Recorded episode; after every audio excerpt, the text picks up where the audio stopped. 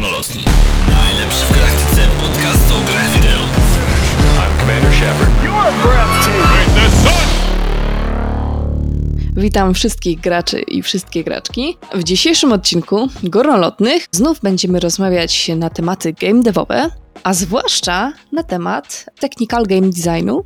Naszym dzisiejszym gościem jest senior projektant techniczny e, z Flying Wild Hawk, e, Leszek Górniak. Cześć wszystkim. Ja zrobię tak zwany pierwszy strzał, czyli jak się zaczęła twoja przygoda z game devem?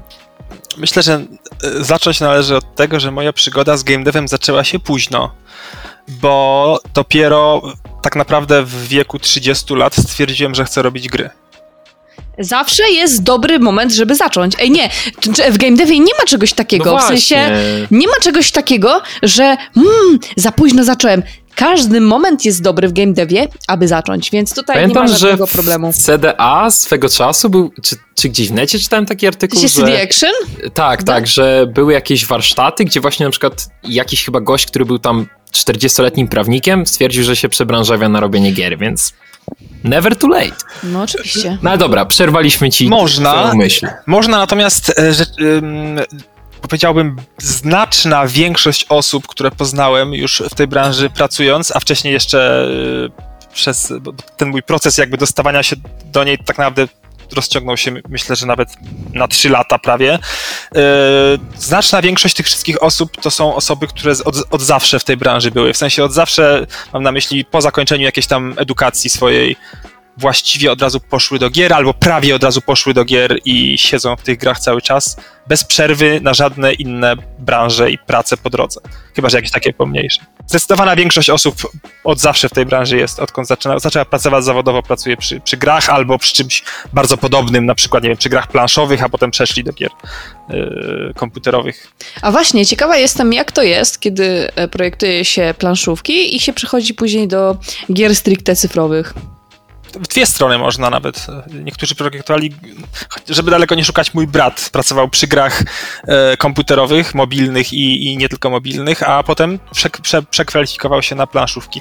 Może Czy być też w drugą trudne? stronę. Nie, nie, nie było, nie było. Jest, jest dużo podobieństw. To, to, to, wydaje mi się też, że to jest w miarę podobny typ w ogóle ludzi, e, którzy się dobrze rozumieją. e, No to też łączy to po prostu zajawa, no.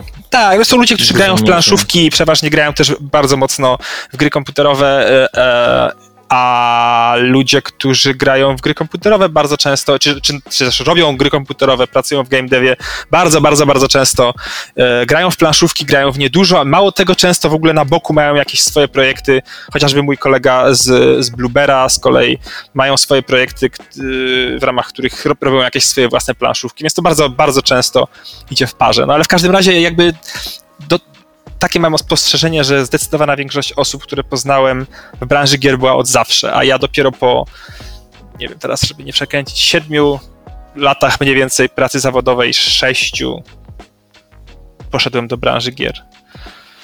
Ale zobacz, e, z drugiej strony zobacz, ile jeszcze rzeczy możesz się nauczyć, bo e, znaczy tutaj mówię z, tak bardziej subiektywnie, bo aż tak długo nie siedzę w, no, w branży game devowej, ale mm, jeżeli jak mówisz, ci ludzie mają ogromne doświadczenie, są już tam zakorzenieni, więc tak jakby chyba coraz trudniej nie tyle co czegoś się nowego nauczyć, to żeby coś cię zaskoczyło lub nie wiem, czegoś nowego się dowiesz, e, a ty cały czas chłoniesz, cały czas e, dowiadujesz się czegoś nowego i bycie wyekspionym oczywiście ma mnóstwo zalet, ale właśnie jak się dopiero jest takim, no nie tyle początkującym, też masz potężne doświadczenie, przynajmniej według mnie, to masz właśnie jako taka osoba, która dopiero zaczyna, względnie zaczyna, no bo jak już wcześniej wspomniałam, 7 lat, e, to masz tą frajdę, że możesz się tego wszystkiego uczyć, że możesz się w to wszystko wchłonąć.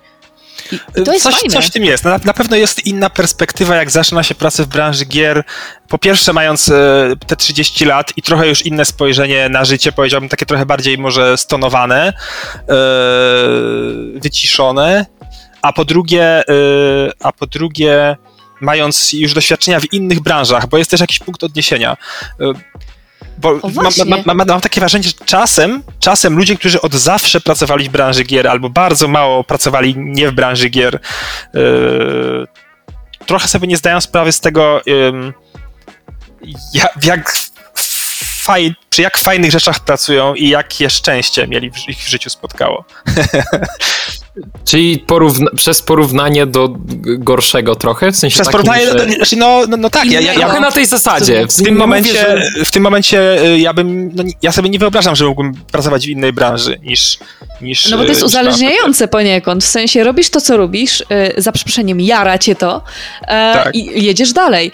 E, bo twoje początki, e, no mówisz, że dopiero je w wieku 30 lat dołączyłeś do branży game devowej. Nawet nie dołączyłem, nie, wtedy dopiero zdecydowałem, że chcę dołączyć. A, rozumiem. Dołączyłem w wieku 32. Okej. No dobra, i jak zdecydowałeś, że chcesz dołączyć, to co zrobiłeś, robiłeś? żeby, żeby Tak. dołączyć? I to, to też jest, to jest właśnie kolejna y, ważna rzecz, ym, do której też chciałem przejść, że je, je, tylko trochę wyprzedzam temat, bo wiem, że ch- chcemy, chcecie też rozmawiać konkretnie o poradach i te tematach związanych z rekrutowaniem się do game devu później, ale ja trochę o tym już muszę powiedzieć teraz w związku z... E, Nie ma Śmiało- najmniejszego problemu. Dobra. problemu. Więc, więc no, so, powiedziałbym, że mm, jeżeli chodzi o, o rozpoczęcie pracy w game devie, to są dwa, takie dwa bardzo mocno ró- różniące się od siebie scenariusze. Jeden to jest scenariusz mój i zaraz powiem o co w nim chodzi, albo się domyślicie, jak opiszę ten drugi scenariusz. Mianowicie drugi scenariusz to jest scenariusz osoby, która na przykład była programistą w jakiejś firmie IT, albo nawet skończyła informatykę i osoby, która by- skończyła ASP i na przykład była gdzieś grafikiem w reklamie albo gdziekolwiek, albo nawet malowała obrazy, cokolwiek, albo mm, ktoś, kto był inżynierem dźwięku, dźwiękowcem na koncertach, nagle chce być sound designerem w branży gier. I to jest jedna bardzo ważna rzecz, mianowicie każda z tych osób ma już trochę umiejętności i trochę doświadczenia e, w dziedzinie, którą się potem w tej branży gier miałaby zajmować. I na taką osobę mm, podczas rekrutacji patrzy się zupełnie inaczej niż na kogoś, kto chce pracować w branży gier, ale, tak, ro, ale rob, robił w życiu różne rzeczy, ale żadna z nich nie jest tak stricte związana z branżą gier. Tak jak na przykład było w moim przypadku, bo ani moje studia, które są A tak naprawdę... studiowałeś?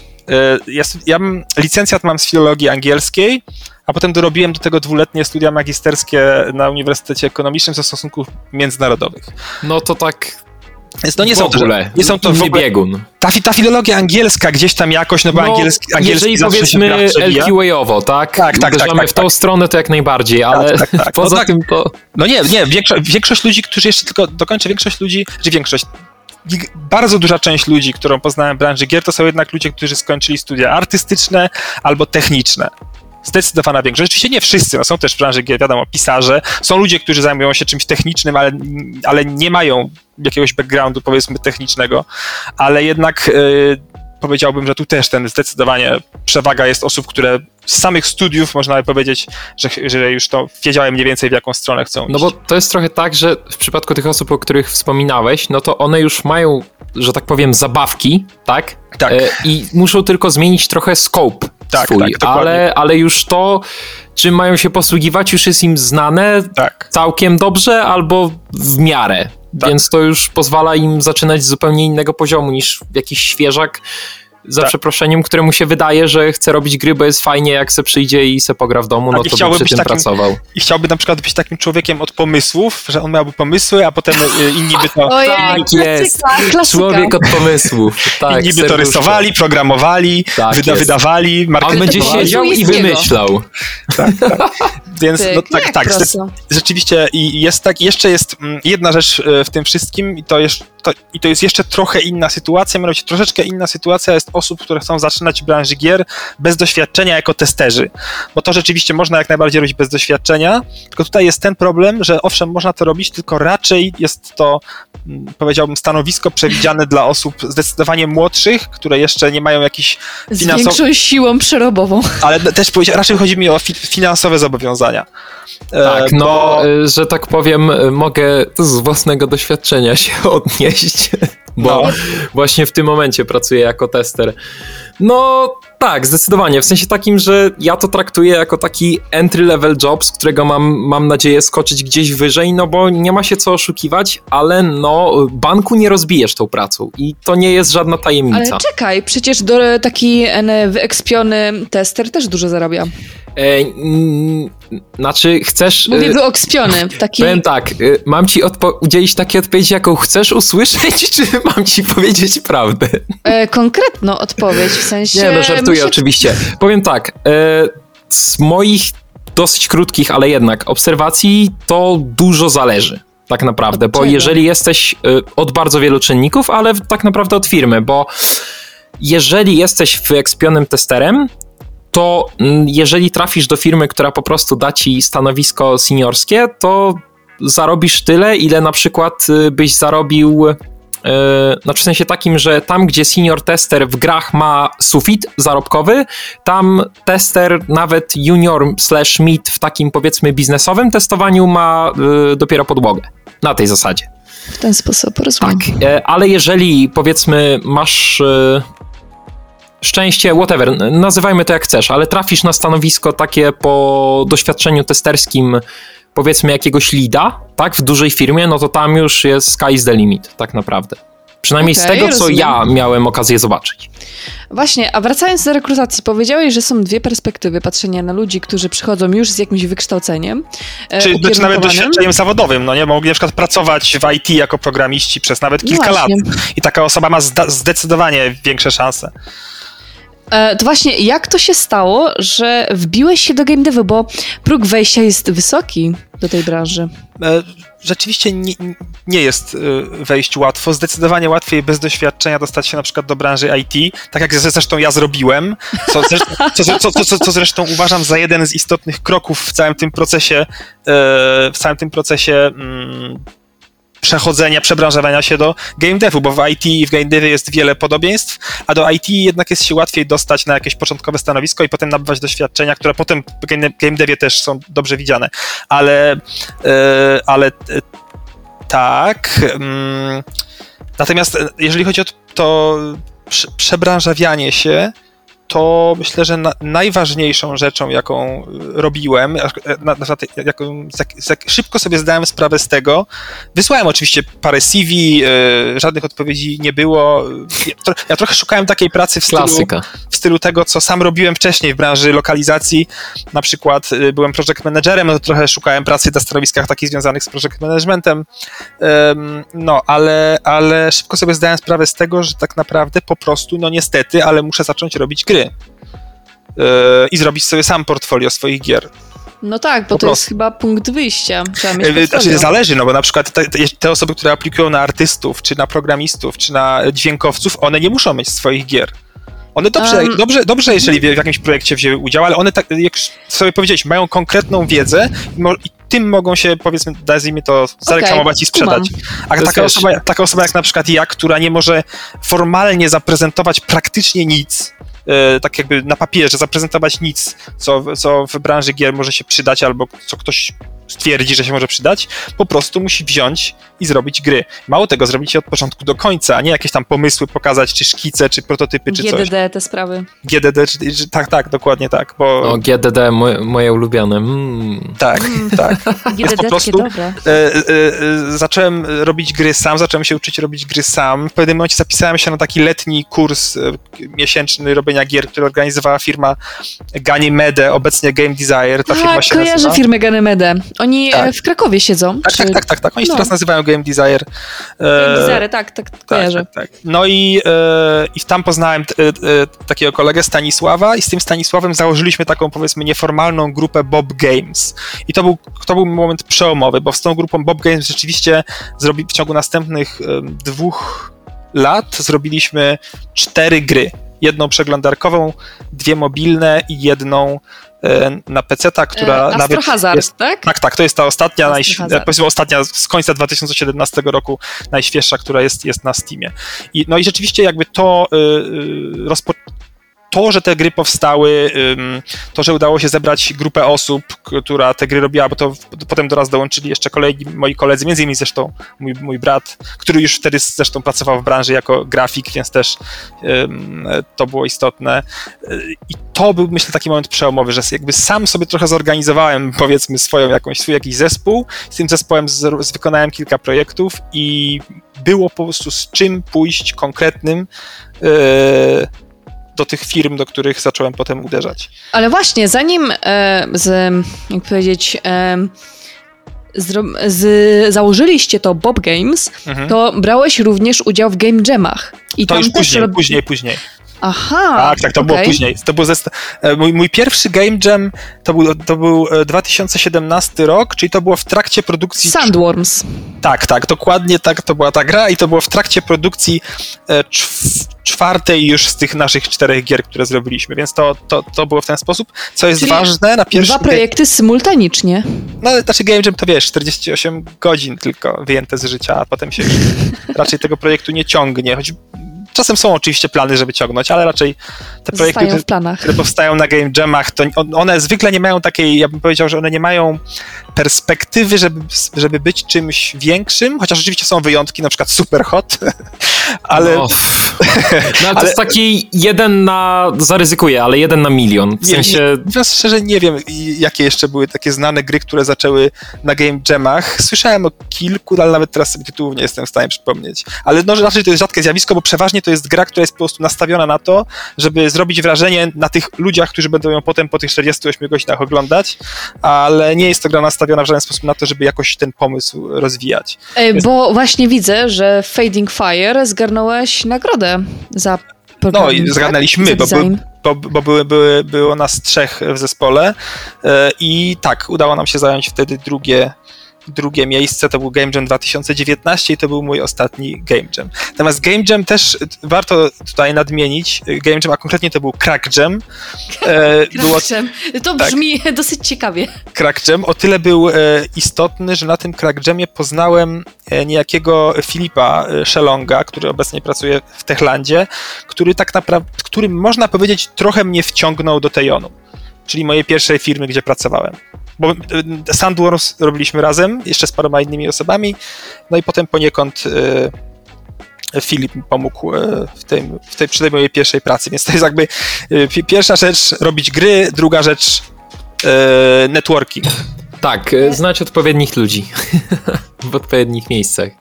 zdecydowanie warto budować e, sieci kontaktów. Zresztą branża gier jest bardzo mocno oparta na sieciach kontaktów. Bardzo, bardzo, bardzo mocno. Zdecydowanie bardziej niż, niż jakakolwiek inna branża, w której pracowałem, czy, czy masa innych branż, No gdzie bo- faktycznie te rekrutacje są oparte na jakichś konkretnych procesach rekrutacyjnych, tak, które E, mają jakiś jakby nie patrzeć, No. przecież e, game dev e, polski nie jest taki duży, w sensie e, wszyscy się tutaj praktycznie znają. I wszyscy mieszkają na Śląsku, Phil's Badman.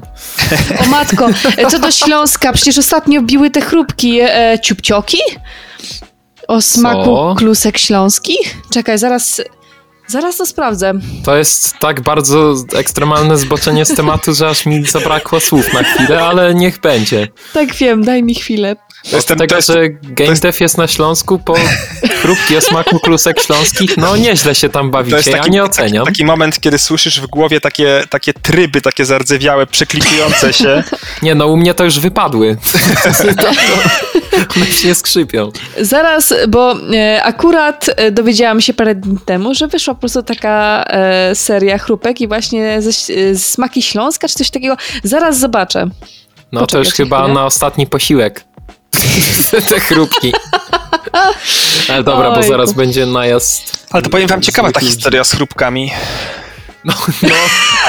Ale to, to jest Gabi, jakby zestaw kiepskich y, sucharów i właśnie tego typu odklejki. No, trzeba się przyzwyczaić. Random thoughts, ale wracając do tematu, później to znajdę i później wam wyślę. To tak Więc- czasem, czas, czasem są, nie wiem, czy to jeszcze jest, bo już z, jakby z kultury memowej trochę, trochę wypadłem, ale pamiętam, że kiedyś były bardzo modne takie, takie memy z podpisem na przykład This picture is unrelated. Nie wiem, czy kojarzycie takie. E, jakiś coś taki kom- taki kompletnie wyrwany z kontekstu obrazek, niepasujący w ogóle, w ogóle nie wiadomo kompletnie o co chodzi. No się tak, Właśnie dalej, skojarzyło. dalej to trwa, że tak powiem. No właśnie. Trochę zmienia formę swoją, ale tak, typu zdjęcie krowy z podpisem perhaps. No tak, to jest... No i nie, z nie wiadomo o co chodzi, no nie ulubionych. wiadomo, tak, ale dokładnie. kogo to obchodzi, o co chodzi. No i właśnie trochę mi się z tymi, nie, kogo to obchodzi, o co chodzi. z tymi chrup, chrupkami, chrupkami śląskimi właśnie mi się skojarzyło właśnie, że to jest takie trochę unrelated, ale takie unrelated ma swój urok właśnie dlatego, że jest unrelated. Tak, tak, zwany back z tak. absurdu.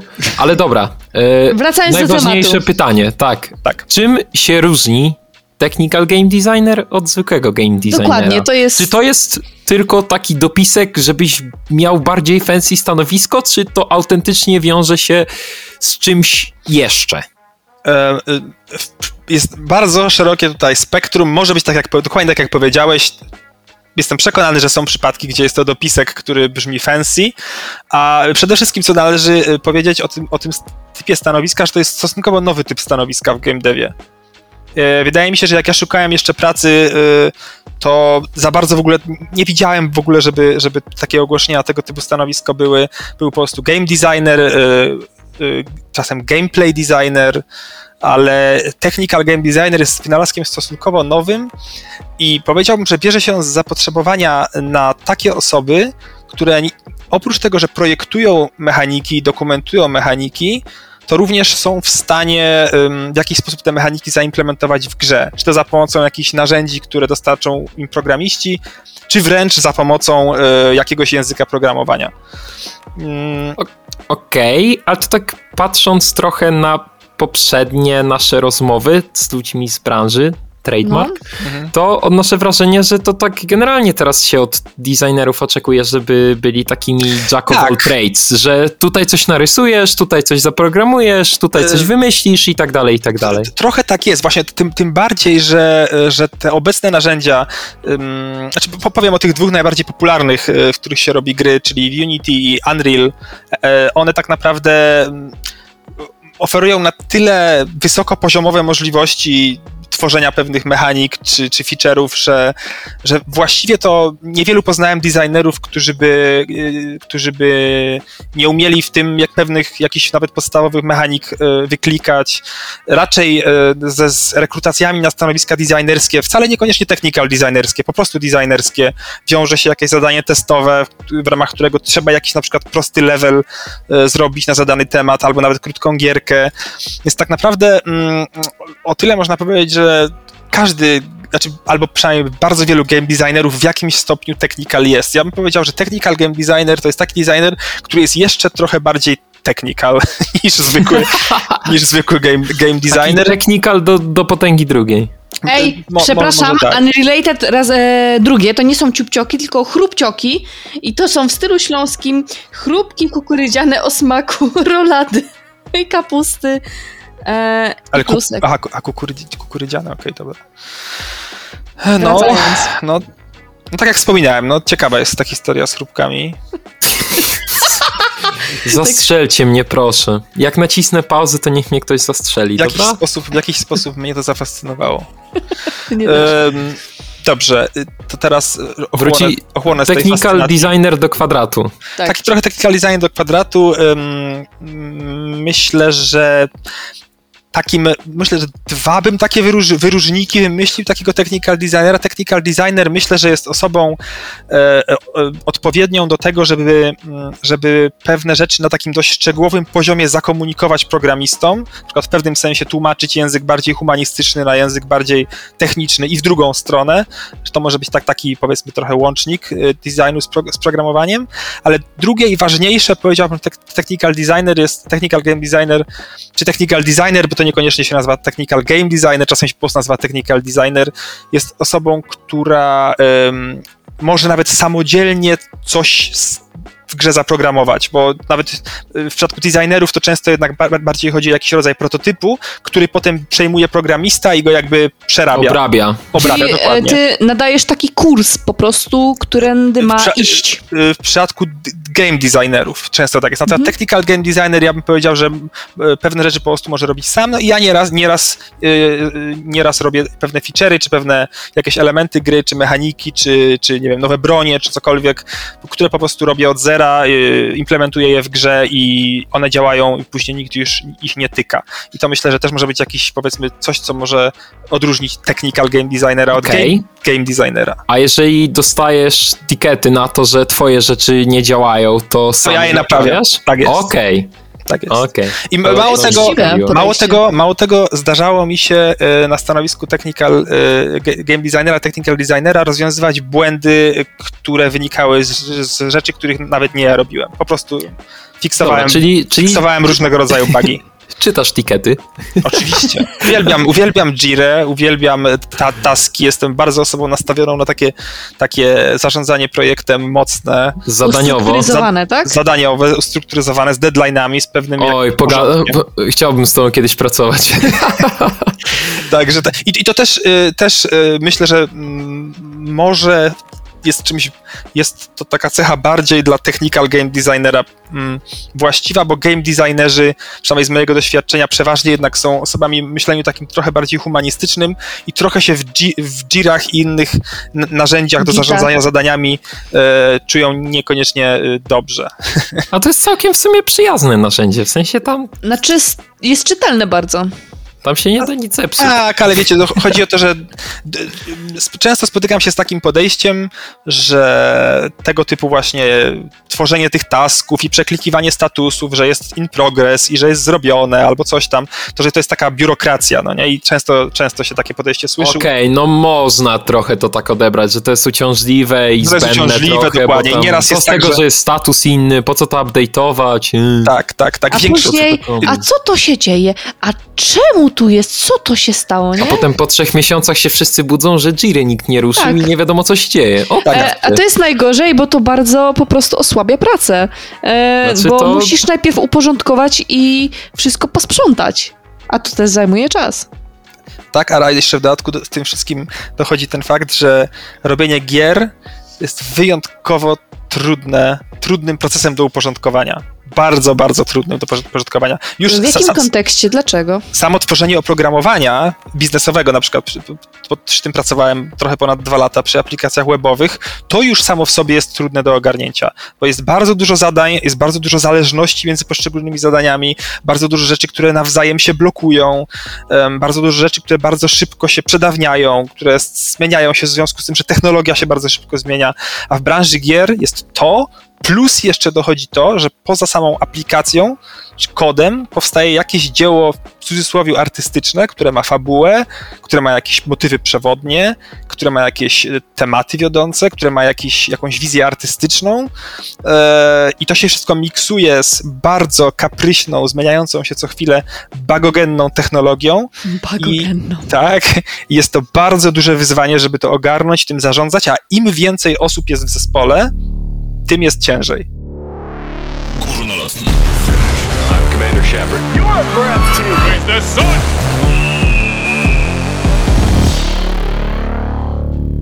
Dołóż jeszcze 10 wizji na temat jednej rzeczy. Właśnie. To, o czym pisałeś w swoich artykułach, że najważniejsze jest opracować wspólny workflow. Wspólną, e, wspólną, e, wspólny workflow to jest jedno, tak? ale też wspólną w ogóle wizję gry, jaką chcemy zrobić. Tak.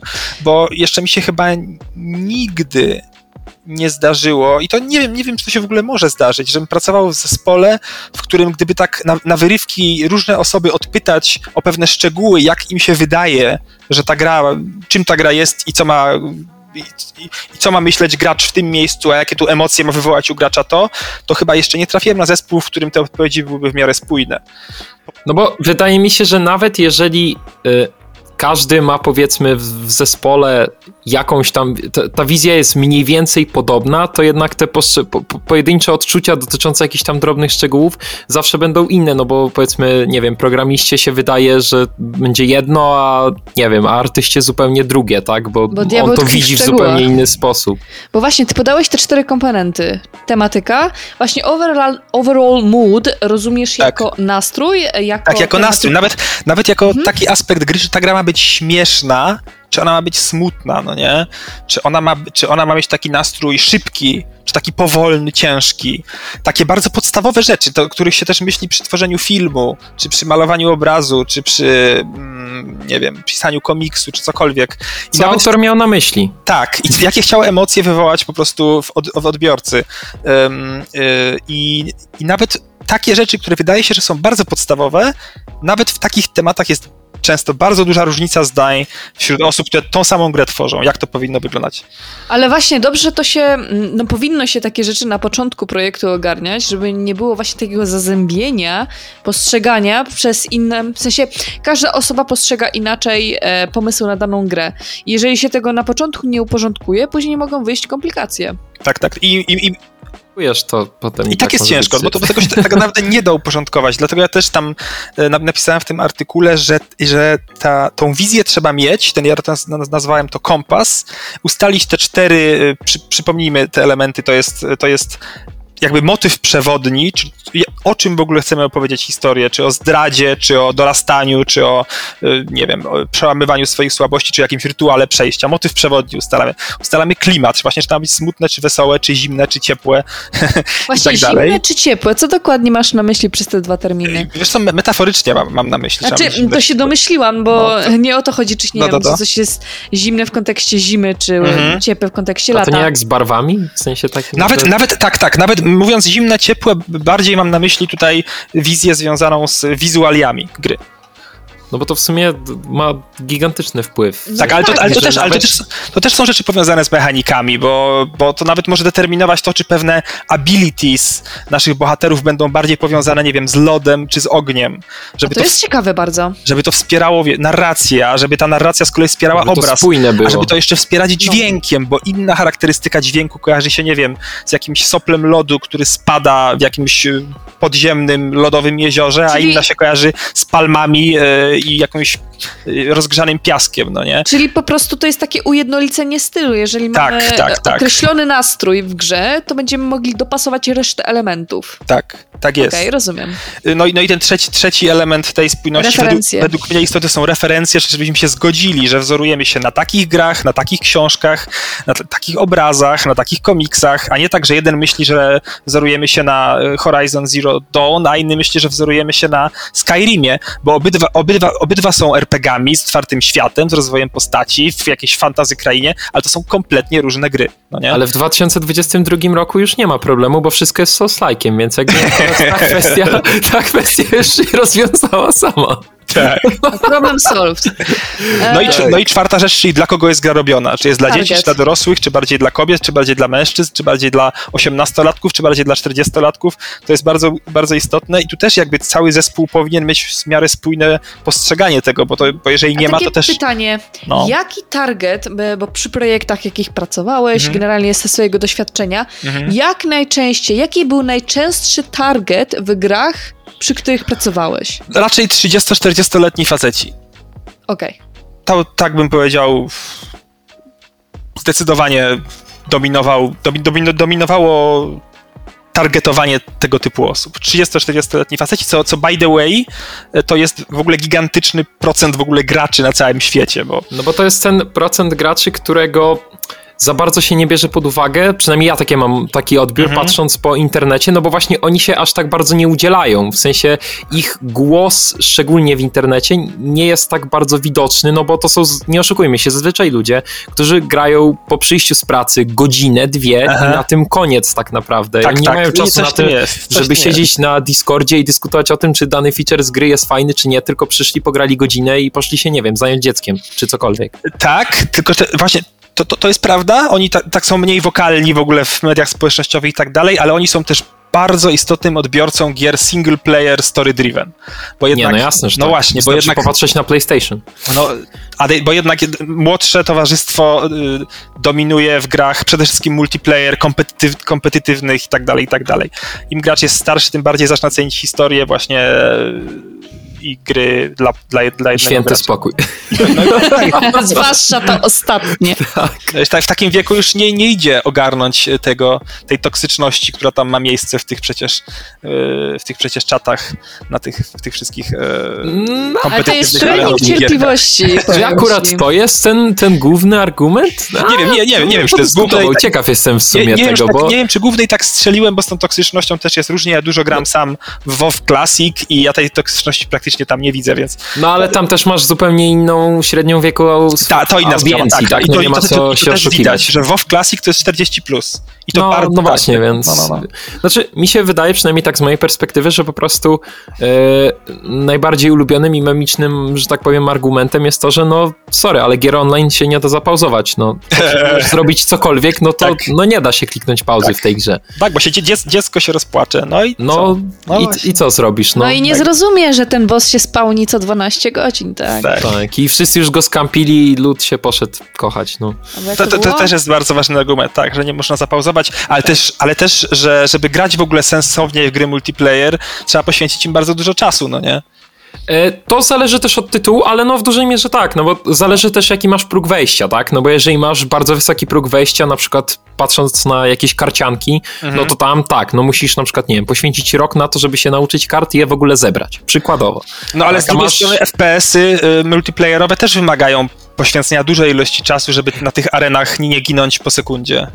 E, tak, ale patrząc, że tak powiem, stosunkowo na to, ile czasu potrzebujesz, to tak No. naprawdę w FPS-ie masz po prostu coś takiego, że są osoby, które mają do tego dryg i które nie mają, ale nawet jeśli go nie masz, to i tak ogarniesz to dużo szybciej, bo Mhm. jest to tylko i wyłącznie kwestia tak naprawdę zręczności. Masz ją lepszą, masz ją gorszą, ale ją jakąś masz, tak? Czyli Więc- mówisz, że karcianki są wyzwaniem y, z tego Jest- pu- punktu widzenia. Y, To też zależy od projektu, ale w, powiedziałbym, że gry typu, no karcianki, bym powiedział, że chyba tak. Są to gry, które mają zdecydowanie jedne z najwyższych progów wejścia. Nie mówiąc oczywiście o jakichś bardzo złożonych strategiach, bo w nie No dużo tak, nie tak, tak. grałem i nie mam w nich doświadczenia, ale obstawiałbym, że tutaj, te, tutaj jest nawet jeszcze wyżej niż w A ja ci karciankach. powiem tak, że jak masz na przykład Magic the Gathering, e, bo ja na przykład gram te karcianki, ale fizyczne, że tam trzeba się też nauczyć i mechanik, co dana karta robi i to jest bardzo dużo informacji.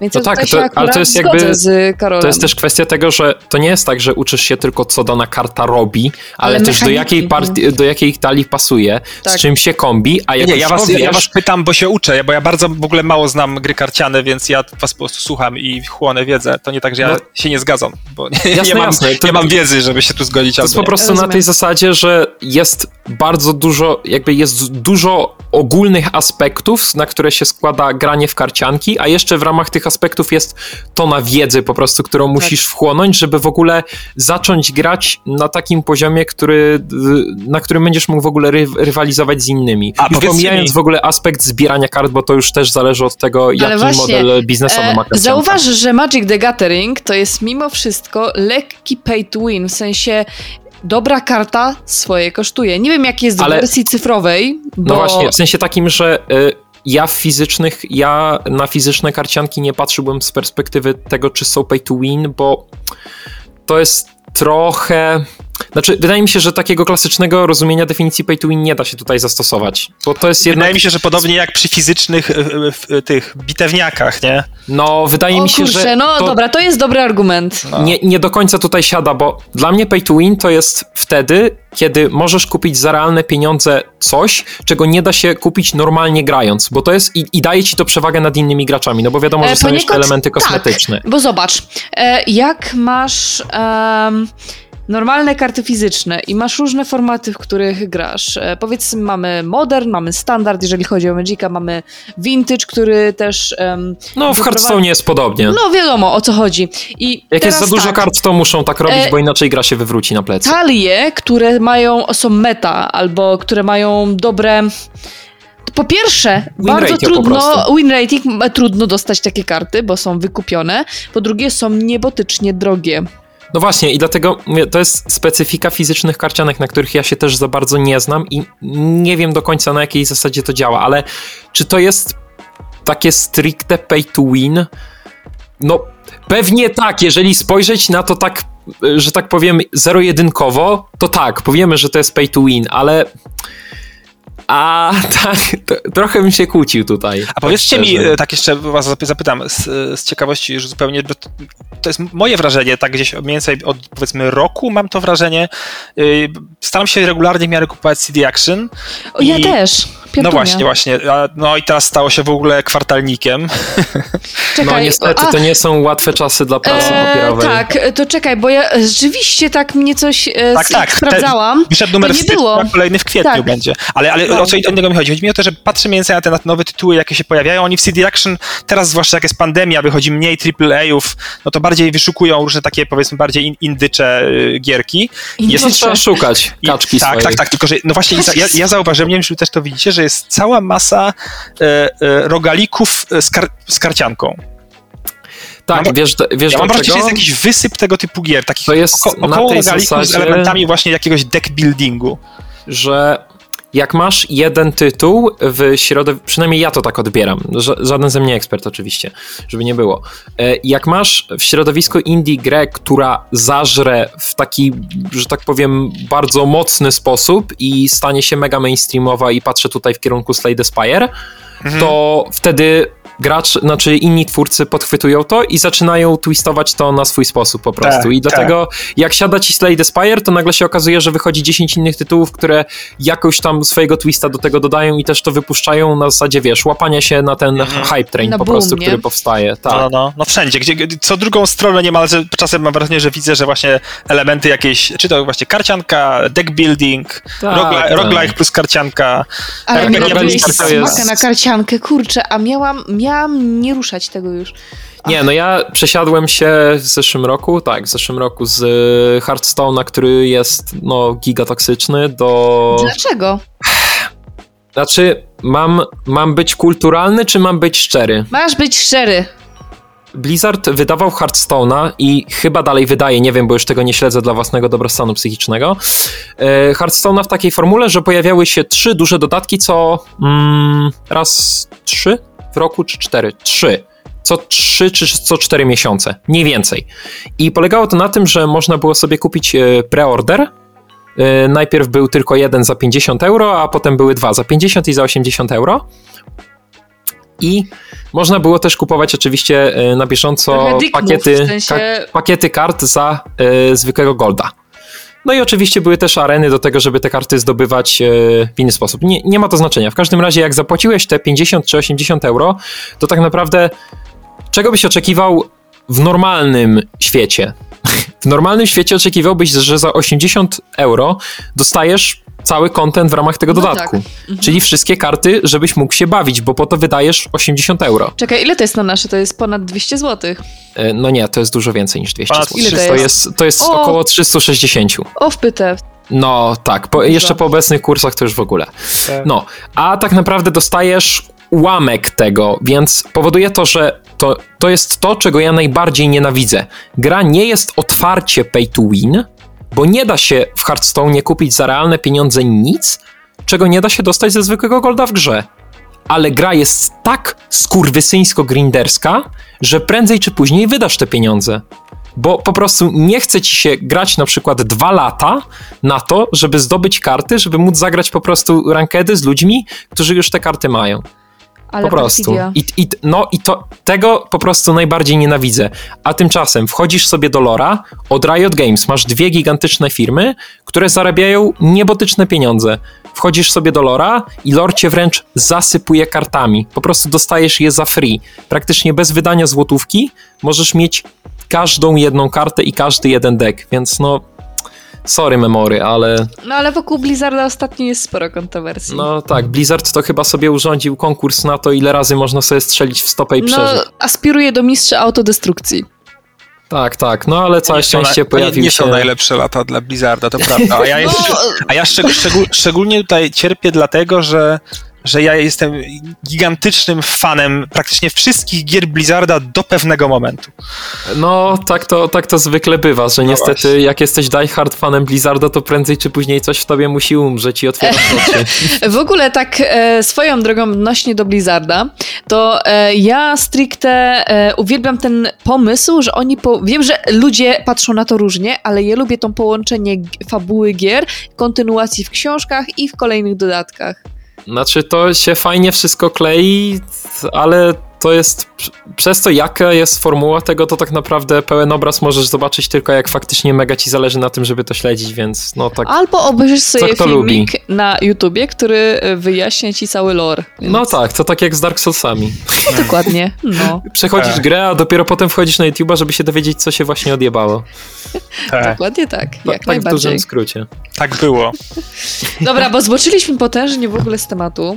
E, No, tak to zwykle bywa. tak to Dobra, zwykle było. Dobra, dobra, to teraz Mówiliśmy o powiedz mi, technical designerze Tak. i tym, czym się różni od desi- designera. Jak można ewoluować w seni- senior technical game designera? Chodzi mi o to, e, jak duże, e, dużego expa trzeba mieć, ile lat trzeba spędzić, albo em, jakie skille e, dorwać jako game Jeszcze designer. zanim, zanim odpowiesz, to chciałbym się tylko w, w, wtrącić z takim py, pytaniem slash spostrzeżeniem, że wydaje mi się, y, że game dev jest o tyle zajebisty, że właśnie nie ma tutaj czegoś takiego, że trzeba wyrobić x lat, żeby przeskoczyć jakiś próg. W sensie Nie o to takim, że jeżeli... y, je, to nie jest krytyka w twoją stronę absolutnie, tylko takie spostrzeżenie, zanim usłyszę odpowiedź od osoby, która faktycznie ma pojęcie w temacie, a ja tylko pierdolę głupoty, y, że nie musisz w game devie na przykład spędzić 10 lat, żeby przeskoczyć powiedzmy próg czy dwa progi wyżej, tylko jeżeli coś ci się faktycznie udało i potrafisz, to po prostu lecisz do góry i jelo, nie ma tematu.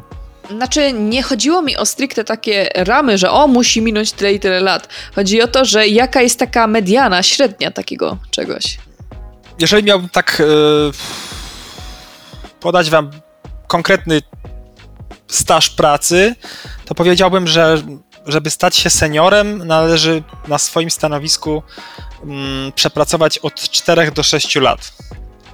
Ale, ale rzeczywiście nie jest w ogóle tak w game devie jak w wielu innych branżach e, czy większych korporacjach, gdzie te reguły awansu i rozwoju zawodowego są takie bardzo jasno podane, że I przede wszystkim sztywne. sztywne, że dokładnie wiadomo, ile trzeba przepracować, że są regularnie odbywające się oceny pracowników, w ramach których dostaje się punkty, wszyscy znają te kryteria, nawet to jest czasem jakoś zgamifikowane em, i, i, i jest bardzo konkretny, ustrukturyzowany proces e, rozwoju pracowników. No to rzeczywiście mm, e, w branży gier tak nie jest. Im, Im większa firma, tym troszkę bardziej tak jest, że jednak zaczyna się powoli e, stosować te regularne feedbacki i na ich podstawie podejmować jakieś, jakieś e, dalsze działania, ale rzeczywiście no, jest to dużo bardziej luźne, e, elastyczne e, i tak dalej. Natomiast, natomiast no, taki ten przedział czasu, który podałem no, no, na podstawie swojego doświadczenia i tego, co widziałem i co słyszałem od innych, mniej więcej tak mogę powiedzieć. No, senior to jest po prostu osoba, która, która już trochę spędziła czasu wykonując swoją działkę i od której trochę się też oczekuje, że będzie, będzie wsparciem dla, dla nieseniorów. Y, będzie Dla trochę tych może wszystkich poniżej, oczywiście w cudzysłowie. w swoim, w swojej, tak, no w swojej, w swojej działce. Dla, dla, dla nowych, świeżych designerów może być to osoba, która uczestniczy w rekrutacjach też, y, która wprowadza nowe osoby w projekt, bo nawet jak ktoś ma spore doświadczenie, to jednak wejście w nowy projekt, nawet jak się zna narzędzie, to, to zwykle trochę czasu zajmuje, i, więc tym, tym, tym również może zajmować się sen, senior. Bo każdy projekt rządzi się swoimi e, zasadami. W ogóle Tak, tak, zdecydowanie. To, E- to w, w tym samym narzędziu dwa projekty potrafią wyglądać zupełnie, zupełnie inaczej. Powiedz w ogóle, jak wyglądała twoja e, praca przy na przykład projekcie Terminatora, Resistance Annihilation i w ogóle Mhm. serii Terminatora? No właśnie, więc już na, na wstępie t- Terminator Resistance to jest jakby podstawka i to jest właściwie Terminator Resistance. E, Po roku od premiery została do niego wydane bezpłatne DLC Terminator Resistance e, Infiltrator Mode. I to, to było takie DLC, gdzie można było e, w takiej jakby proceduralnie generowanej e, mapie być Terminatorem, bo normalnie w grze jesteśmy członkami ruchu oporu. A potem to, co ni- niedawno miało premierę, dodatek, nad którym jeszcze miałem okazję pracować, to właśnie był Terminator Resistance Annihilation Line. Więc tak, tak to dokładnie wygląda ta, jakby ten, cykl. Praca nad Terminatorem. Ja za, zacząłem pracować nad Terminatorem, y, gdy on już był w fazie takiej, nazwałbym to, mocno rozgrzebanej alfy. Czyli, czyli gra mniej więcej już y, miała... Czyli tak najlepiej. To jest, to jest w ogóle, to jest mo- może, ja, ja, ja zawsze to powtarzam i ludzie mi się często dziwią, że ja to mówię, ale ja, y, ja nie cierpię zaczynać projektów.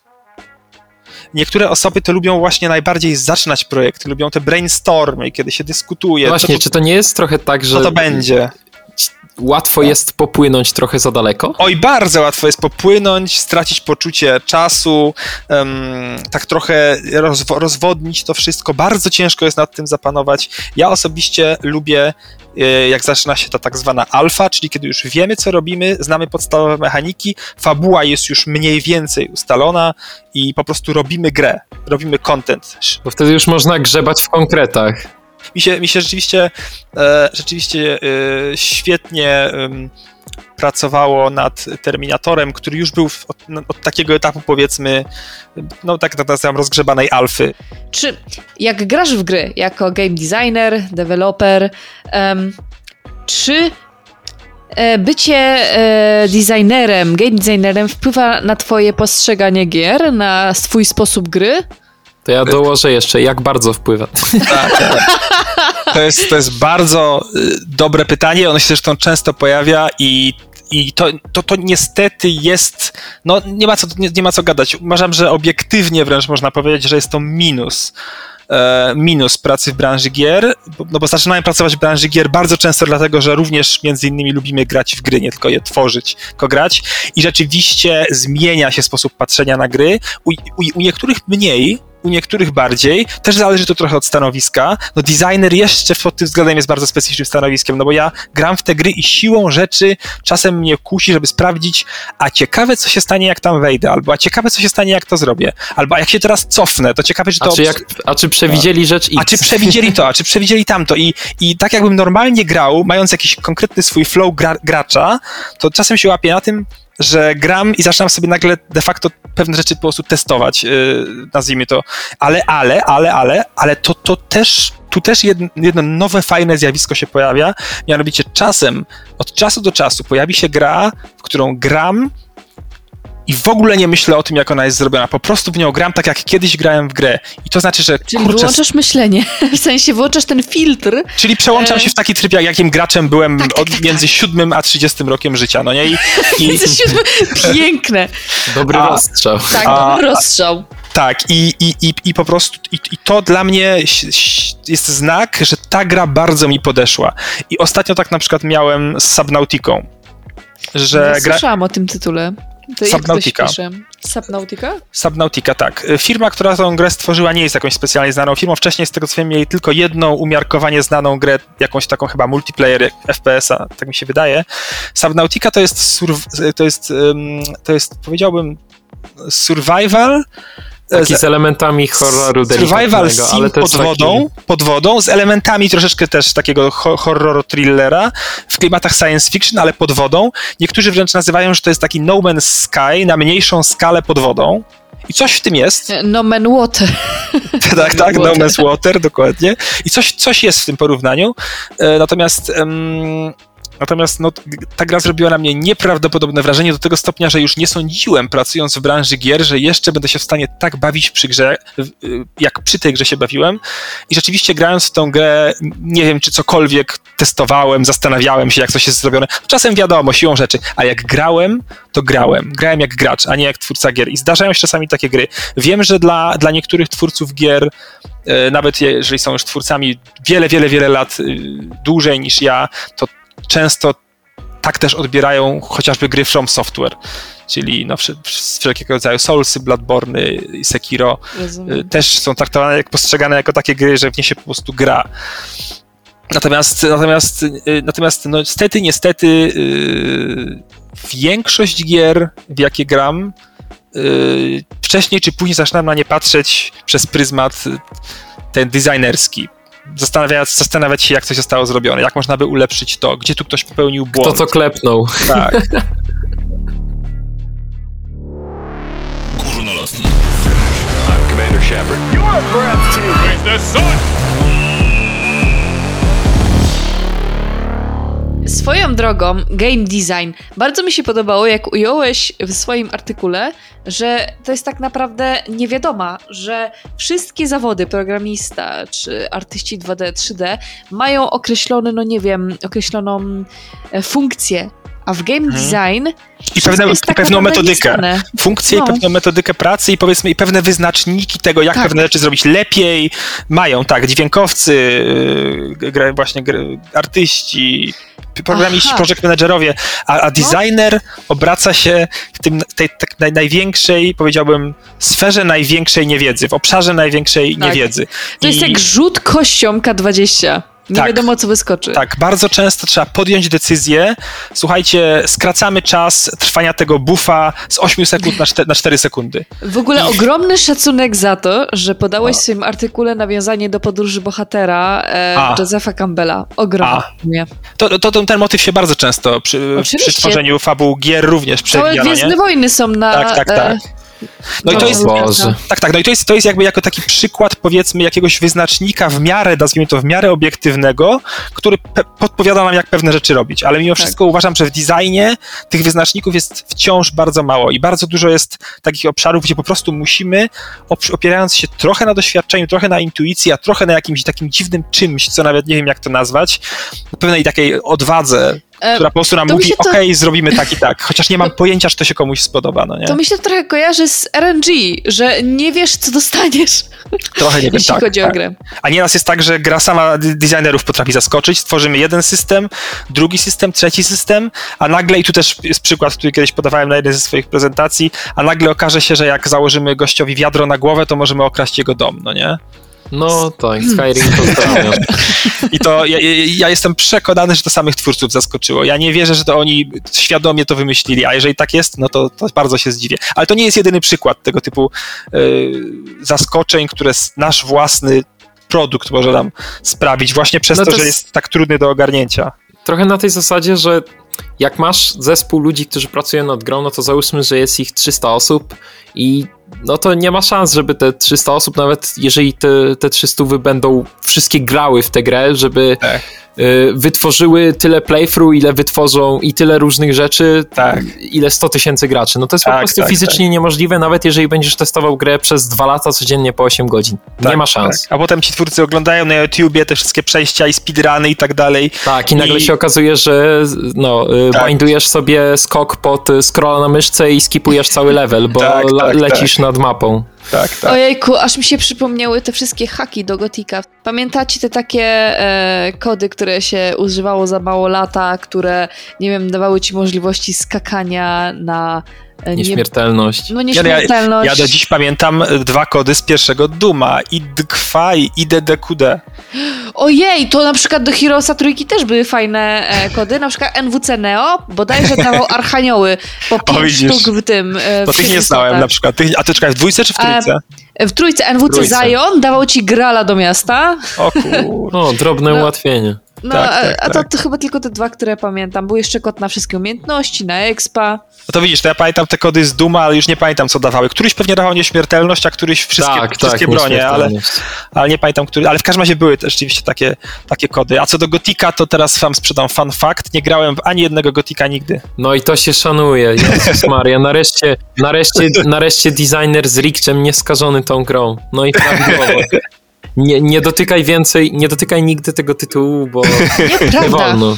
Czy ponoć teraz, zakazane ponoć teraz, genewską. ponoć zwłaszcza teraz y, już ciężko jest jakby wejść y, w, tego, w Gotika, takie już powiedzmy mając ten cały bagaż nowych rozwiązań RPGowo, open No bo dostajesz raka od patrzenia na tę grę, więc jest ciężko. To nawet, y, ja mówiąc szczerze, nie, Karol, ty mnie, ty mnie nie denerwuj!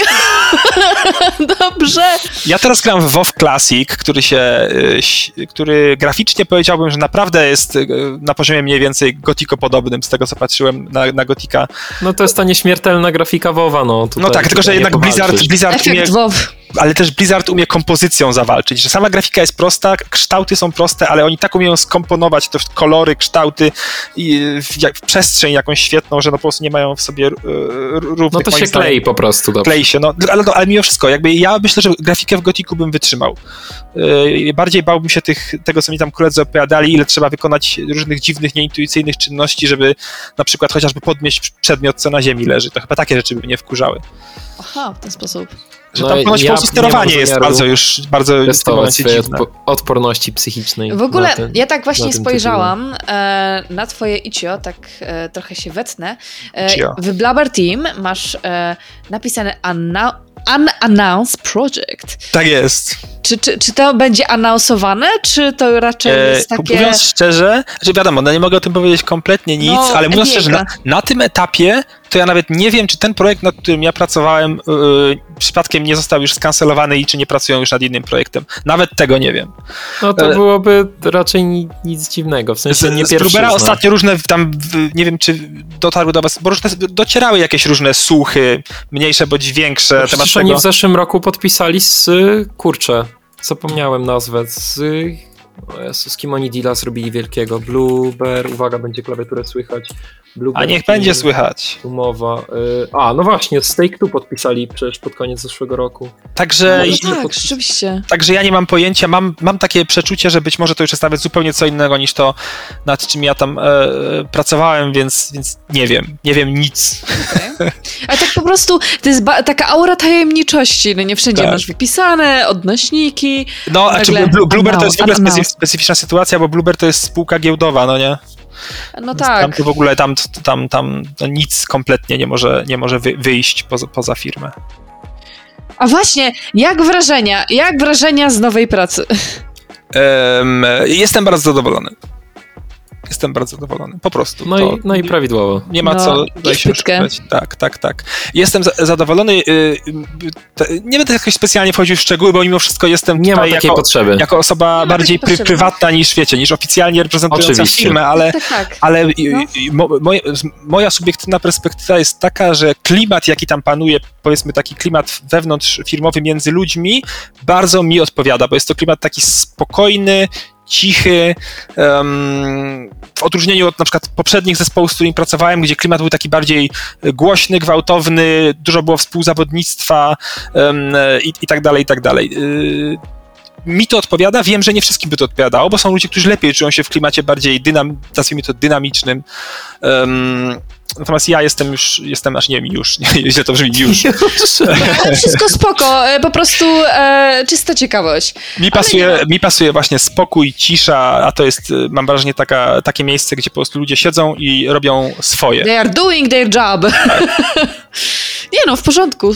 To, jak to się mówi, gituwa. Tak, a teraz mówię oczywiście o biurze krakowskim, nie, nie mam pojęcia, jak jest biurze Leszek, warszawskim. ty siedzisz w. Krakowie. Tak, zgadza się. Ja też siedzę w Krakowie. Nie może to być. Szaleństwo. Szaleństwo. W Krakowie mieszkają przecież tylko dwie osoby. Czy wiecie, ja ostatnio za wielu osób nie widuję, więc jak mi ktoś powiedział, że mieszkają dwie, to Czy pracujesz sobie zdalnie? Nie, nie, nie. y, Ja, ja, ja pracuję, pracuję w biurze, ja nie, bardzo nie lubię pracy zdalnej. Unikam jak, jak ognia, ale no poza tym to, poza tym, że jeszcze biuro, dom, biuro, dom, to za bardzo nikogo nie widuję ostatnio.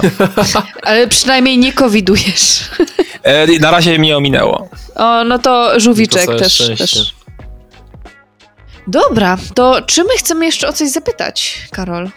No, mieliśmy to, to, to ostatnie pytanie, ten złoty Ach. strzał na sam koniec, czyli Rady, rady dla ludzi uderzających do game devu. No, prawie się zsynchronizowało. Jeszcze raz. Nie, nie, nie, nie, bo wyjdzie, wyjdzie cringe'uwa. Zostawiamy, Wyjdzie dobrze. Tak, zostawiamy tak jak jest, śmiało. E, rady dla ludzi, mm, którzy chcą... Poza tym, że nie róbcie tego, to... to Nie, nie, znaczy abs- absolutnie y, polecam pracę w branży gier osobom, które lubią gry. Y, zastrzegam również, że zmienia się podejście do gier. Które, które chcemy sobie zagrać dla przyjemności, że nie zawsze się to uda, niestety zagrać w grę dla przyjemności, bo włączą się inne perspektywy. Natomiast to też warto, warto powiedzieć, że trochę w designie to jest, myślę, dużo mocniejsze to zjawisko niż na przykład podejrzewam w, w jakichś innych zespołach. Bo nie można się chyba aż tak bardzo zdystansować. W sensie takim, że klepiesz kod, przysłowiowo oczywiście, no to, no to jest dla ciebie kawałek kodu i okej, to jest gra, ale ta gra jest gdzieś tam w odległej Tak. perspektywie, tak? No bo tak na razie bym masz... powiedział.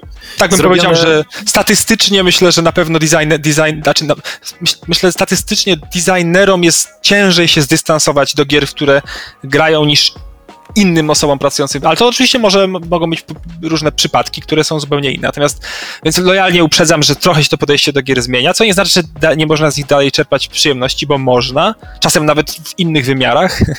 E, natomiast jeżeli chodzi o y, konkretnie rady, być może już dotarliście nawet do tego, bo widzę, że jakieś tam moje artykuły sprawdzaliście. Mój pierwszy artykuł, jaki napisałem e, na ówczesną jeszcze Gamma Sutra, teraz Gamma Sutra się już nazywa GameDeveloper.com.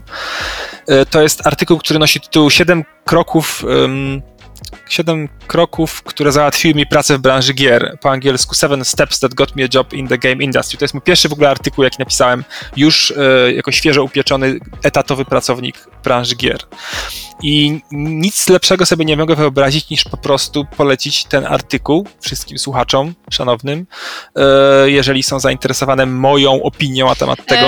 link umieścimy w artykule, więc będziecie mogli na spokojnie sobie mo drodzy słuchacze, obejrzeć e, w artykule, przeczytać w artykule. nie wiem, tak. co się Teraz... dzisiaj dzieje z moim językiem polskim. Znaczy jest też Jakbym... dość późno, jest też dość późno. Ja też muszę, wydaje mi się, że muszę więcej uwagi poświęcić, żeby budować, yy, budować zdania, nie? Zdania, tak, tak, tak. Spokojnie, wszystko jest w formie. Staram się po prostu powiedzieć coś, a wychodzi ziemniak i to jest takie...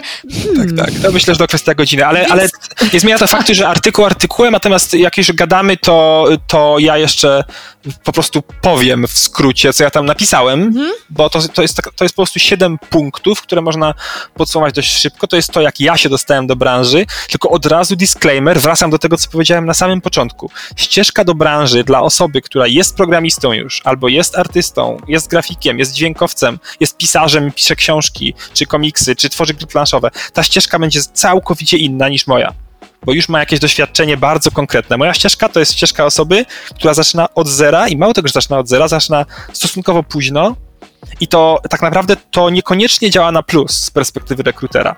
Y, to, to też zależy od rekrutera, ale jeżeli ktoś y, próbuje późno się przebranżowić, to wcale niekoniecznie musi być, musi działać na plus. Więc to jest moja perspektywa i w ramach, y, no ja, ja zrobiłem tak.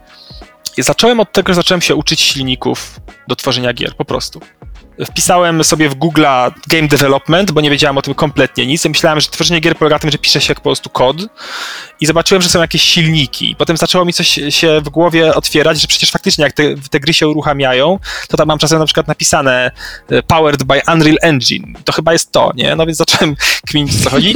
No i zobaczyłem, że, że klikło, można... Klikło. Klikło coś i zobaczyłem, że można sobie za darmo pobrać e, na, na przykład takie Unity, którym by the way e, zrobione jest chociażby wspomniane już przez nas Hearthstone, czy na przykład Unreal Engine, w którym no cała, cała, cała masa gier w tym momencie powstaje z takich większych, no to przecież ostatnio na Unreal Engine chociażby Final Fantasy Remake. Um, Ojejku, e, uwielbiam ten tytuł. Czy Star Warsy chociażby, Fallen Order. Tak, czy Fallen Order, tak. No ca cała masa, cała masa, rzeczywiście. No i, i, um, i sobie po prostu pobrałem te silniki. E, wtedy jeszcze to nie był Unreal Engine 4, tylko to jeszcze był tak zwany Unreal Development Kit, czyli bezpłatna wersja Unreal, Unreal Engine'u 3, czyli chociażby czyli tego, na którym powstawały na przykład Batmany, Arkham albo Vanishing of Ethan Carter, pierwsza wersja, bo druga już chyba była przepisana na czwórkę, z tego co pamiętam. E, więc po prostu te silniki pobrałem, e, poznajdywałem sobie jakieś tutoriale i zacząłem po prostu uczyć się tych silników. Po prostu zacząłem próbować coś w nich robić. Szybko się też zorientowałem, że wypadałoby coś trochę ogarnąć z programowania, więc to jest punkt drugi z moich siedmiu punktów. Trochę zacząłem się uczyć programowania, zacząłem od C++. E, to jest, myślę, wciąż najpopularniejszy język programowania w branży gier. Potem się przerzuciłem na C Sharpa, bo w C Sharpie... No chyba C Sharp teraz już jest... No w C Sharpie się tworzy gry w Unity, no nie? Znaczy, no, więc to nie uciekniesz. Natomiast w Unrealu, w Unrealu się pracuje w C++. Natomiast te języki powiedzmy są rela relatywnie do siebie znaczy, no, podobne. Chyba C-Sharp to jest po prostu upgraded C++, więc... Trochę tak, trochę, trochę bym powiedział, że jest taki trochę upgraded, pod pewnymi względami prostszy w obsłudze niż C++. No więc zacząłem się właśnie uczyć e, programowania, to był mój krok drugi, natomiast to cały czas było mało, uczenie się tych silników. Już miałem jakieś swoje demówki w tych silnikach, miałem jakieś takie fragmenty kodu, próbowałem z tym gdzieś tam uderzyć, tu i tam, nic z tego nie wyszło. Więc zapisałem się. nie, nie, że się zapisałem. Postanowi yy, postanowiłem spróbować swoich sił w branży IT gdzie zacząłem jako, jako support klienta, potem zostałem QA w tej branży IT, a potem przez chwilę byłem team leaderem zespołu QA-ów. Rzeczywiście ta, ta branża IT jako y, trzeci krok, no u mnie to bardzo dużo dało, bo w IT jest masa podobnych rzeczy, y, podobnych elementów, jak są w branży gier. Pracuje się na podobnych narzędziach, pracuje się na przykład chociażby właśnie wspomnianą już przez nas Jirą do zarządzania zadaniami. Proces y, kontroli wersji czy oprogramowania jest podobny, proces wydawniczy pod wieloma względami jest podobny, więc pewne elementy są wspólne, na pewne rzeczy mi się też trochę oczy otworzyły. Bardzo polecam ludziom, którzy chcą spróbować swoich sił w branży gier, a nie, nie mają żadnych konkretnych doświadczeń z tym związanych, bardzo polecam. Można po prostu zacząć pracować w branży IT i tam zacząć poznawać w ogóle tajniki wytwarzania oprogramowania, bo, bo gry są też oprogramowaniem i nieraz w ogóle, jak się mówi o branży gier, to mówi się o tym, że to jest jedna z gałęzi branży IT. Mm, To jest punkt trzeci, czyli e, ja jeszcze potem je wszystkie wymienię, jak skończę tutaj się rozwodzić. Nauczycielski nawyk. Tak, tak, tak, tak. E, No. Punkt czwarty. E, Czarodziej programowania. tak, tak, tak, tak. Punkt czwarty to jest zacząłem chodzić na różne wykłady i warsztaty ogólnodostępne. Trochę tych takich rze- rzeczy jest. Pierwszym takim moim eventem w ogóle growym były Digital Dragons 2015 e, i to było w ogóle super doświadczenie, być tam, słuchać tych ludzi, poznać nawet y, jakieś tam osoby. Zapisałem się, też wspomniałem, te warsztaty organizowane przez ówczesne Ganymede, obecne Game Desire, gdzie uczyliśmy się po prostu robić takie bardzo proste gierki na kilku, kilku zajęciach. Mm. To zdecydowanie polecam jako kolejny krok. A niekoniecznie w tej kolejności, oczywiście te kroki trzeba wykonywać, chociaż myślę, że warto zacząć od tego, żeby się coś nauczyć samemu. Mm, Więc jakieś, jakieś warsztaty, jakieś, jakieś wykłady. Y, Jako punkt piąty ja bym powiedział, że należy spróbować zrobić swoją własną grę od początku do końca. To może być nawet bardzo prosta gra, gra 2D, którą można przejść w pół godziny, ale to jest jednak bardzo ważny krok, kiedy się zrobi, kiedy się nie tylko zacznie coś robić, ale kiedy się też skończy coś robić. Bo to w ogóle jest takie. Mm, usłyszałem kiedyś takie zdanie i ja się z nim zgadzam, e, że ostatnie 10% e, czasu tworzenia gry komputerowej to jest 90% wysiłku, jaki trzeba w to włożyć. I coś w tym rzeczywiście jest. I jakby ta umiejętność sklejenia tego wszystkiego i doprowadzenia do końca jest bardzo ważna i jeżeli mamy swoją grę albo kilka swoich gier, nawet małych, to temu potencjalnemu pracodawcy pokazujemy, że umiemy właśnie doprowadzić ten bardzo złożony i kabryśny, wymykający się po prostu nam co i róż naszej kontroli proces, że potrafimy doprowadzić go do końca. I to, to jest punkt piąty, zrobić swoją grę. Punkt szósty, o tym też już wspomniałem, to jest y, networking, to jest poznawanie ludzi. Właśnie chociażby na przykład y, pójść na game jam, zacząć uczęszczać na jakieś lokalne spotkania game devu. W Krakowie chociażby odbywają się tak zwane krakowskie spotkania game devu przy piwie. Ja zacząłem chodzić na te spotkania, tam poznałem pa- parę osób i oni mnie wciągnęli w ogóle w pierwszy game jam. Mm, mm, myślę, że jakieś znaczenie miało to, że zanim zacząłem na te spotkania chodzić, to już coś tam miałem zrobione, jakieś tam swoje małe indie gierki, ale też nie byłem takim człowiekiem, który przyszedł zupełnie z zewnątrz, nie wiedząc zupełnie nic. Bo A ja sobie zrobię grę. to właśnie, albo przychodzę, przy, albo że przy, zdarzały się takie osoby, które przychodziły na te spotkania z, na przykład z pomysłem na grę, no nie? I szukały ludzi, którzy, którzy ten pomysł y, zrobią. Hej, mam Ja wam dam pomysł, a wy mi zróbcie. Tak, tak, tak. Y, I to jest punkt szósty. Poznać, poznawać jak najwięcej ludzi. A punkt siódmy, y, ostatni y, z tych moich takich moich subiektywnych porad, które dla mnie się sprawdziły, jeszcze raz podkreślam, nie, nie dla każdego muszą, mm, to Jest jest zastosowanie. tak, to jest, żeby się nie spieszyć, a jednocześnie nie poddawać. Nie spieszyć, dlatego że jest bardzo dużo materiału do ogarnięcia i jest taka tendencja, że chcemy jak najwięcej ogarnąć jak najszybciej, a jest tego dużo i można się szybko mm, przeciążyć i zwątpić w ogóle, czy No kiedykolwiek i to się też bije po głowie, w sensie takim, że robisz coś na przykład dwie godziny, odpalasz, a na koniec tak jest. Tak, tak, tak. Ja, ja nawet miałem takie dni, że wiedziałem, że jestem zmęczony i po prostu sobie na przykład postanowiłem, miałem taki okres, że sobie postanowiłem, że każdego dnia zrobię jeden taki 10-minutowy tutorial Unreala. I to było wszystko. Zrobiłem 10-minutowy tutorial i nic. I już robiłem sobie swoje inne rzeczy. I tak sobie dzień po dniu robiłem, tak malutkimi kroczkami, w końcu zaczęły mi się pewne rzeczy składać do kupy i zacząłem siedzieć dłużej, bo już zacząłem sobie to składać. Ale miałem właśnie też takie dni, że stwierdziłem, a spróbuję zrozumieć o co chodzi w tym, w tym i w tym. Oczywiście mi się nie udawało zrozumieć i, i była załamka, więc dlatego mówię take it slowly. I, no i też nie poddawać się, bo nawet pomimo tego, że już miałem zrealizowane te sześć punktów pierwszych, to dalej wysyłałem te CV i ja nawet napisałem w tym artykule już teraz, żeby, żeby, żeby być spójnym i żeby nie powiedzieć czegoś innego. Tak, że przez, przez jakby cały ten czas, mam, mam, teraz przed nosem ten artykuł, dlatego przeczytam to, że przez cały ten czas aplikowania do game devu e, sobie to policzyłem, no wiadomo, to nie jest do końca dokładne, ale policzyłem sobie, wysłałem około 50 lekko licząc aplikacji w różne miejsca.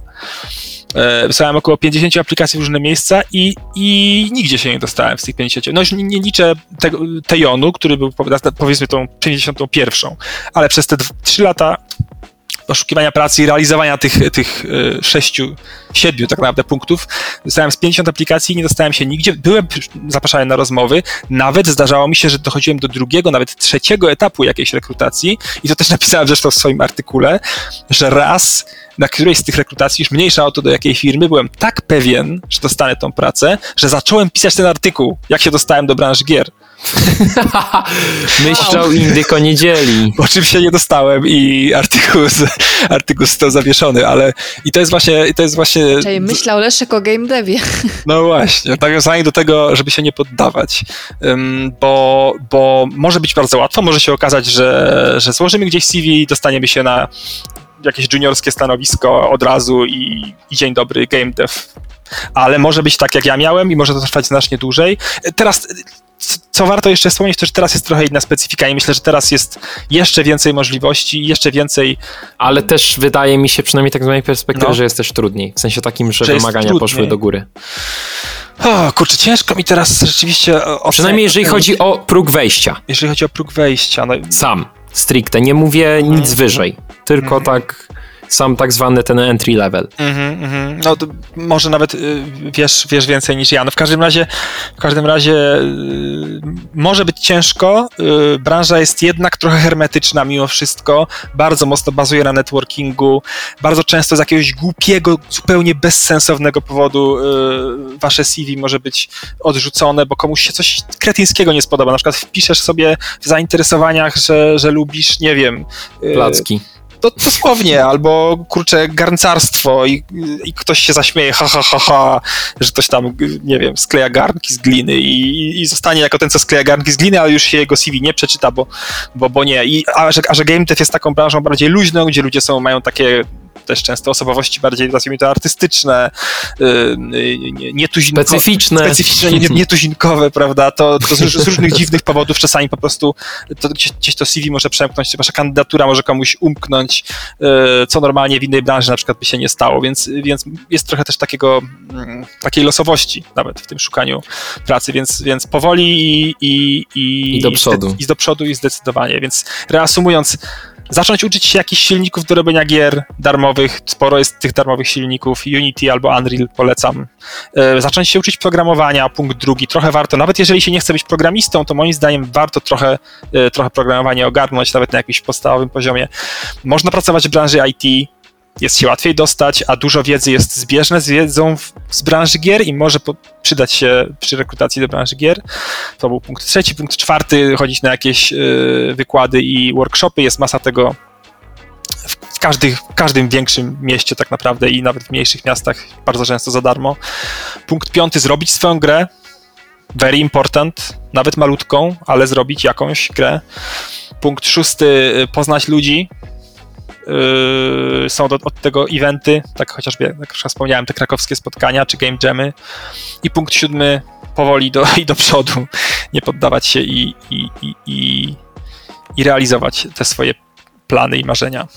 Dobra, to ja przybijając już do brzegu dołożę jeszcze punkt ósmy. Y, należy urodzić się na Śląsku, bo tam się dzieje wszystko w kwestiach game devowych. Y, w Warszawie paradoksalnie nie dzieje się nic, także nie polecam. Aha, ciekawe, ciekawe.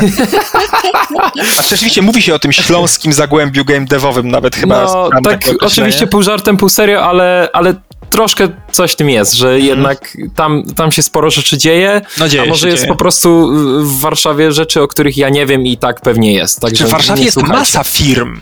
Jest masa tak, firm. jest firm, jest, ale tak nie wiem jak to wygląda, rzeczy jak, jak się na dookoła, przekłada. No właśnie, to no. już jest tak, w sensie wiesz, poziom sprofesjonalizowania tego wszystkiego jest wysoki, ale ten poziom taki, ten nieprofesjonalny już albo ja o tym nie wiem Czyli najzwyczajniej. masz na myśli na przykład w Warszawie jakichś takich inicjatyw brakuje, typu jakieś nieformalne spotkania game devowców, tak? No na przykład, Okej, coś okej, w tym okej. stylu. Okej, Ja nie, nie, nie wiem nic o takich warszawskich inicjatywach. Wiem, że są na pewno właśnie śląskie, krakowskie, wrocławskie wiem, że są. Y, O warszawskich rzeczywiście nic nie wiem. Coś tam mi się obiło uszy, że są, No tak, ale... na przykład TK Gamesy i tak dalej, i tak dalej. Pozdrawiamy Radosława klasę. Tak, tego, tego niestety y, w Warszawie nie ma, albo ja o tym nie wiem. No cóż, moi drodzy, y, wyszło całkiem, całkiem Czekaj, długo. TK Games nie jest e, w tym Oni są? we Wrocławiu? No właśnie we Wrocławiu chyba. No. I cóż, będziemy, będziemy się żegnać. Powolutku, Półtorej godziny nam wyszło. No, prawie No. tak. Prawie tak. No to, prawie no tak. to- Znowu będą mnie ganić Ten- za to, że... Dobra, nieważne. Dobra, Karol. Jest dobrze. Dobra. Dziękujemy wam bardzo za dotarcie do końca tego stosunkowo długiego odcinka. Rozmawialiśmy, mieliśmy przyjemność rozmawiać z Leszkiem Górniakiem. No i cóż, do usłyszenia na następnym podcaście i miłego wieczoru.